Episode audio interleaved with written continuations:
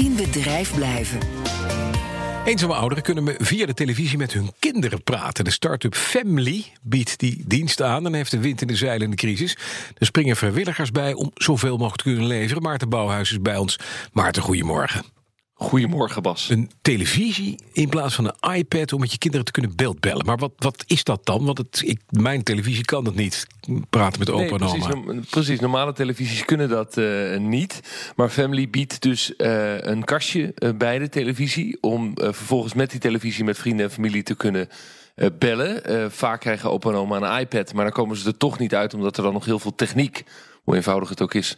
aan de kant van de ouderen ligt. Eh, en nu is het nog simpeler gemaakt. Ze hoeven hem alleen maar aan te zetten. Eh, die weerstand overigens tegen technologie is dan niet helemaal weg... vertelt François de Goede. Maar goed, eh, die drempels, ja, die zijn er, zegt ze. Ik snap er niks van, ik snap er niks van, ik snap er niks van. En zei ik tegen haar, maar u hoeft er ook helemaal niks van te snappen. U hoeft alleen maar voor de televisie straks te gaan eh, zitten. U ziet heel groot inkomende oproep. En vervolgens ziet u het gezicht van uw dierbare. En dit is dus het mooie van Family.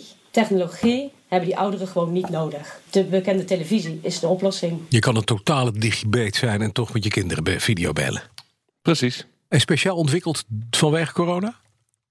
Nee, eh, ze waren bezig met de software eh, zodat kinderen ehm, eh, of andere ja, vrienden, familie, dus laten we zeggen, de tv van de ouderen kan bedienen op afstand. En dat is een beetje het idee. Maar dat is ontzettend moeilijk, want dan moet je dus in de hardware van de televisie.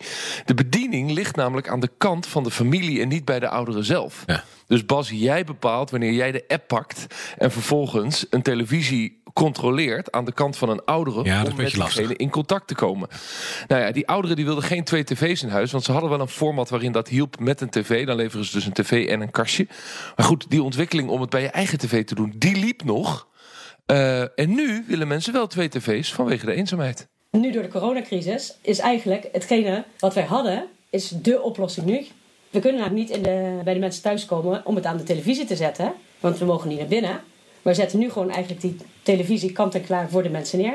Wat we wilden, ja, kunnen we nog steeds niet. Maar wat we hadden, is eigenlijk de oplossing voor de coronacrisis. Ja, nou mooi. Dit, dit is dus de manier om makkelijk te beeldbellen met eenzame ouderen. Precies, en het gaat hard. Ehm, eh, nog ah, geen hele grote getallen. Ze hebben Nee. een aantal honderden televisies afgeleverd. Boven hun verwachting. De investeerder gaat extra bijstorten. Want ze zien dat het eh, werkt. En ze zijn bezig met verzorgde huizen. En dan laten ze het personeel een soort inbelplanning maken voor de families. En dan hebben ze dus één zo'n tv-kast eh, in de centrale ruimte zijn. En dat helpt dan toch in eh, tijden van eenzaamheid in coronatijden. We zitten nu ook in zorgtehuizen. Kunnen families van de bewoners één voor één inbellen. Bewoner X met zijn familie mag van 1 tot 2 bijvoorbeeld bellen. En een van die eh, zorgmedewerkers belde mij s'avonds ook op. Ja, er was eentje jarig van de bewoners.